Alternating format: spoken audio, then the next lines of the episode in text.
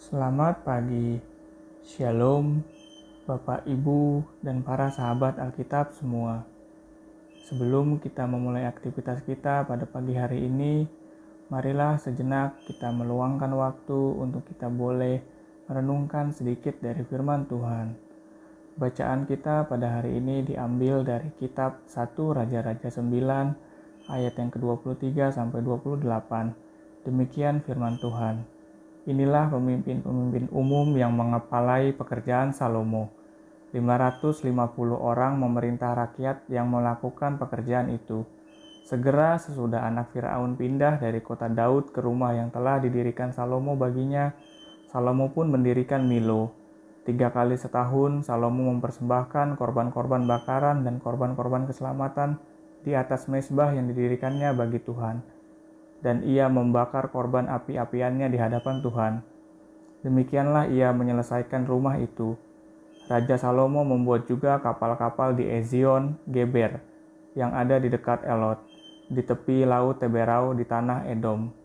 Dengan kapal-kapal itu, Hiram mengirim anak buahnya, yaitu anak-anak kapal yang tahu tentang laut, menyertai anak buah Salomo, mereka sampai ke Ofir dan dari sana mereka mengambil 420 talenta emas yang mereka bawa kepada Raja Salomo.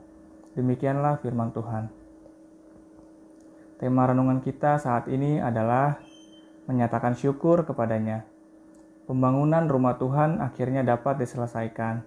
Salomo mengerahkan seluruh daya dan upaya dalam penyelesaiannya ia mengumpulkan material yang terbaik dan juga mengerahkan banyak tenaga demi menyelesaikan pembangunan bait Allah. Tugasnya telah selesai, namun pengabdiannya kepada Allah akan menjadi tugas serta perutusan seumur hidup. Salomo sadar betul bahwa hanya Tuhan sajalah yang memampukannya untuk menyelesaikan segala tanggung jawab sebagai raja. Untuk itulah Salomo senantiasa mengucapkan syukur kepada Allah lewat korban bakaran yang dipersembahkan kepada Tuhan tiga kali dalam setahun. Tiga kesempatan tersebut dikenal juga masa ziarah umat Israel ke Bait Allah. Pada zaman yang terkemudian, orang-orang Yahudi yang tersebar di berbagai daerah akan kembali ke Yerusalem dalam tiga hari raya tersebut untuk beribadah serta berziarah ke Bait Allah. Allah mengajarkan Salomo dan umat Israel untuk senantiasa mengingatnya dalam menjalani kehidupan. Sahabat Alkitab, apa yang dilakukan oleh Salomo di atas mengingatkan kita pula untuk senantiasa mengingat Allah dalam kehidupan sehari-hari kita. Kesuksesan dan berkat yang kita terima seharusnya membuat kita lebih dekat kepadanya, serta dimampukan untuk mengucap syukur senantiasa atas kebaikannya. Salam Alkitab untuk semua.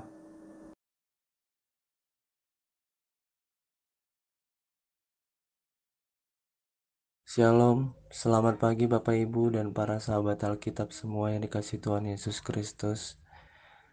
Pada hari ini kita akan membaca ayat Alkitab 1 Raja-Raja pasal 10 ayat 1 sampai 13. Ketika Ratu Negeri Sheba mendengar kabar tentang Salomo berhubung dengan nama Tuhan, maka datanglah ia hendak mengujinya dengan teka-teki. Ia datang ke Yerusalem dengan pasukan pengiring yang sangat besar, dengan unta-unta yang membawa rempah-rempah, sangat banyak emas dan batu permata yang mahal-mahal. Setelah ia sampai kepada Salomo, dikatakannya lah segala yang ada dalam hatinya kepadanya. Dan Salomo menjawab segala pertanyaan ratu itu. Bagi raja tidak ada yang tersembunyi, yang tidak dapat dijawabnya untuk ratu itu. Ketika Ratu Negeri Sheba melihat segala hikmat Salomo dan rumah yang telah didirikannya, makanan di mejanya, cara duduk pegawai-pegawainya, cara pelayan-pelayannya melayani dan berpakaian, minumannya dan korban bakaran yang biasa dipersembahkannya di rumah Tuhan, maka tercenganglah ratu itu, dan ia berkata kepada raja, Benar juga kabar yang kudengar di negeriku tentang engkau dan tentang hikmatmu. Tetapi aku tidak percaya perkataan-perkataan itu sampai aku datang dan melihat nya dengan mataku sendiri. Sungguh, setengahnya pun belum diberitahukan kepadaku dalam hal hikmat dan kemakmuran. Engkau melebihi kabar yang kudengar. Berbahagialah para istrimu, berbahagialah para kepegawaimu ini yang selalu melayani engkau dan menyaksikan hikmatmu. Terpujilah Tuhan Allahmu yang telah berkenan kepadamu sedemikian, hingga ia mendudukan engkau di atas tahta kerajaan Israel karena Tuhan mengasihi orang Israel untuk selama-lamanya. Maka ia telah mengangkat engkau menjadi raja untuk melakukan keadilan dan kebenaran. Lalu diberikannya lah kepada raja 120 talenta emas dan sangat banyak rempah-rempah dan batu permata yang mahal-mahal. Tidak pernah datang lagi begitu banyak rempah-rempah seperti yang diberikan Ratu Negeri Syeba kepada Raja Salomo itu. Lagi pula kapal-kapal Hiram yang mengangkut emas dari Ofir membawa dari Ofir sangat banyak kayu cendana dan batu permata yang mahal-mahal. Raja mengerjakan kayu cendana itu menjadi langkan untuk rumah Tuhan dan untuk istana raja, dan juga menjadi kecapi dan gambus untuk para penyanyi. Kayu cendana seperti itu tidak datang dan tidak kelihatan lagi sampai hari ini. Raja Salomo memberikan kepada Ratu Negeri Seba segala yang dikendakinya dan yang dimintanya. Selain apa yang telah diberikannya kepadanya, sebagaimana layak bagi Raja Salomo. Lalu ratu itu berangkat pulang ke negerinya bersama-sama dengan pegawai-pegawainya. Demikian firman Tuhan. Tema renungan kita saat ini adalah muliakanlah Allah melalui hidupmu. Kabar mengenai kebijaksanaan Salomo sampai juga ke kerajaan lain di sekitar Israel. Seorang ratu dari negeri Sheba bahkan datang bersama dengan rombongan kerajaan untuk membuktikan dengan mata kepalanya sendiri berita yang didengarnya.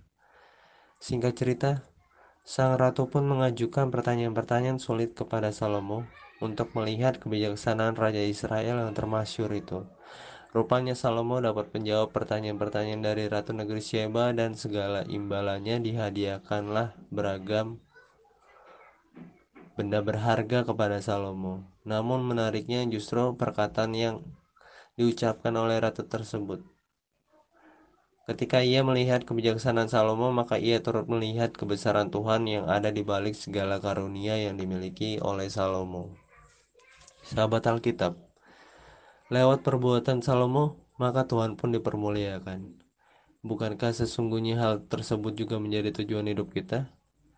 Manusia menjalani kehidupannya dengan sebaik mungkin, seturut dengan firman Allah, sehingga pada akhirnya melalui hidup yang kita jalani, maka orang lain mengenal Allah dan kebaikannya.